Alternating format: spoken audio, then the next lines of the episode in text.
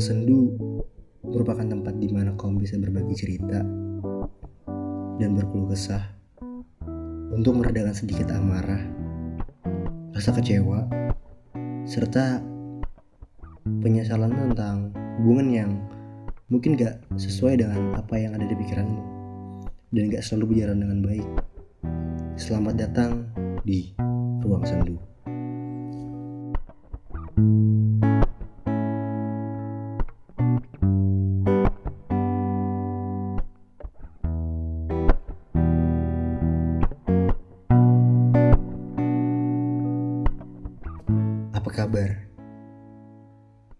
Semoga kalian dalam keadaan baik-baik aja.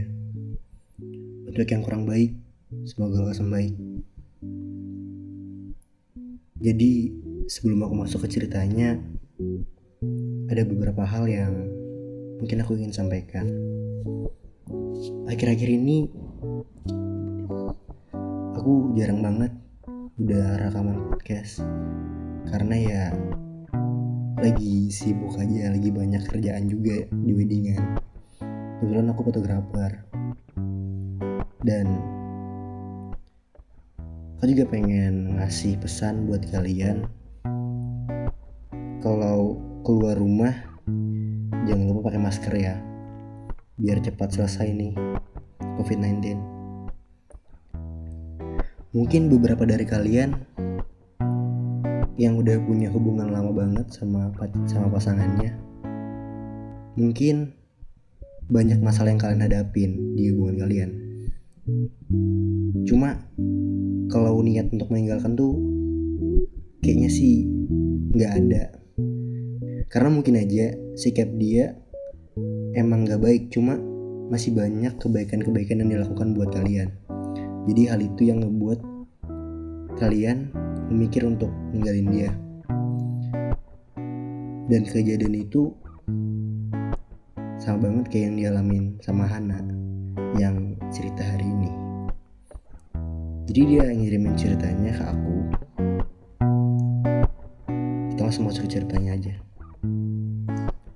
Jadi namaku Hana. Aku awal kenal sama dia pas aku baru masuk salah satu organisasi silat. Awal aku lihat dia saat dia megangin samsak.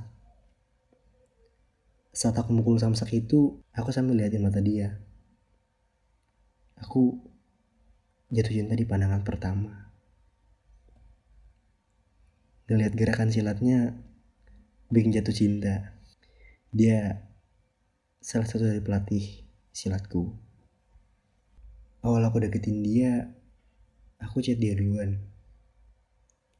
Aku chatan sama dia lewat messenger di aplikasi Facebook. Aku chat dia hai mas aku bilang itu aku bilang aku sih semuanya mas. Awal-awal aku pura-pura nanya alamat sama dia.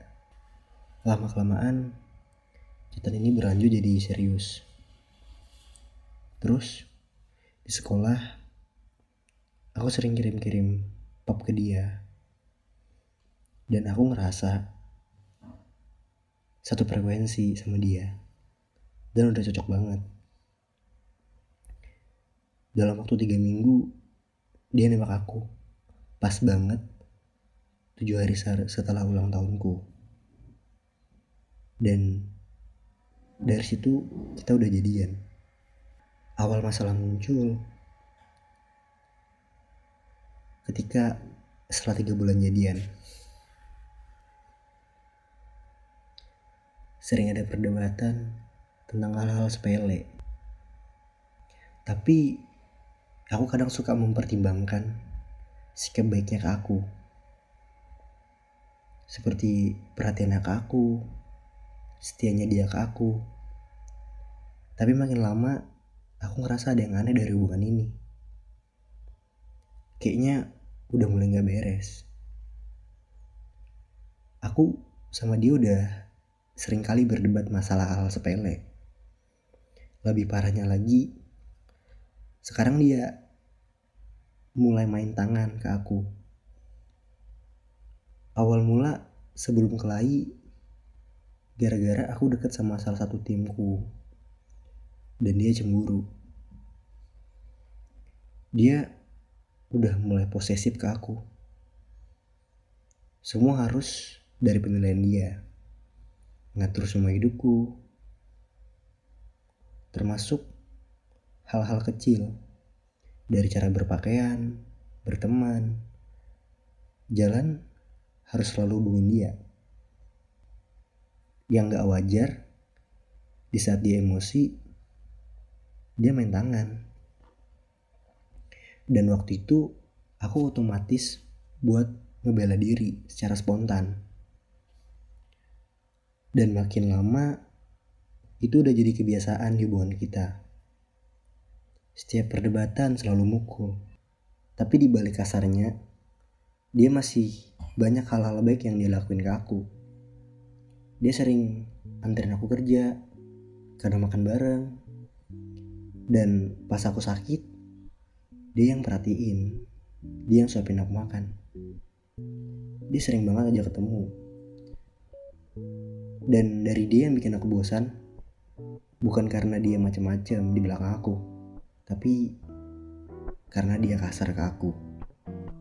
Makin lama, ini makin gak wajar. Setiap bertengkar, makin parah.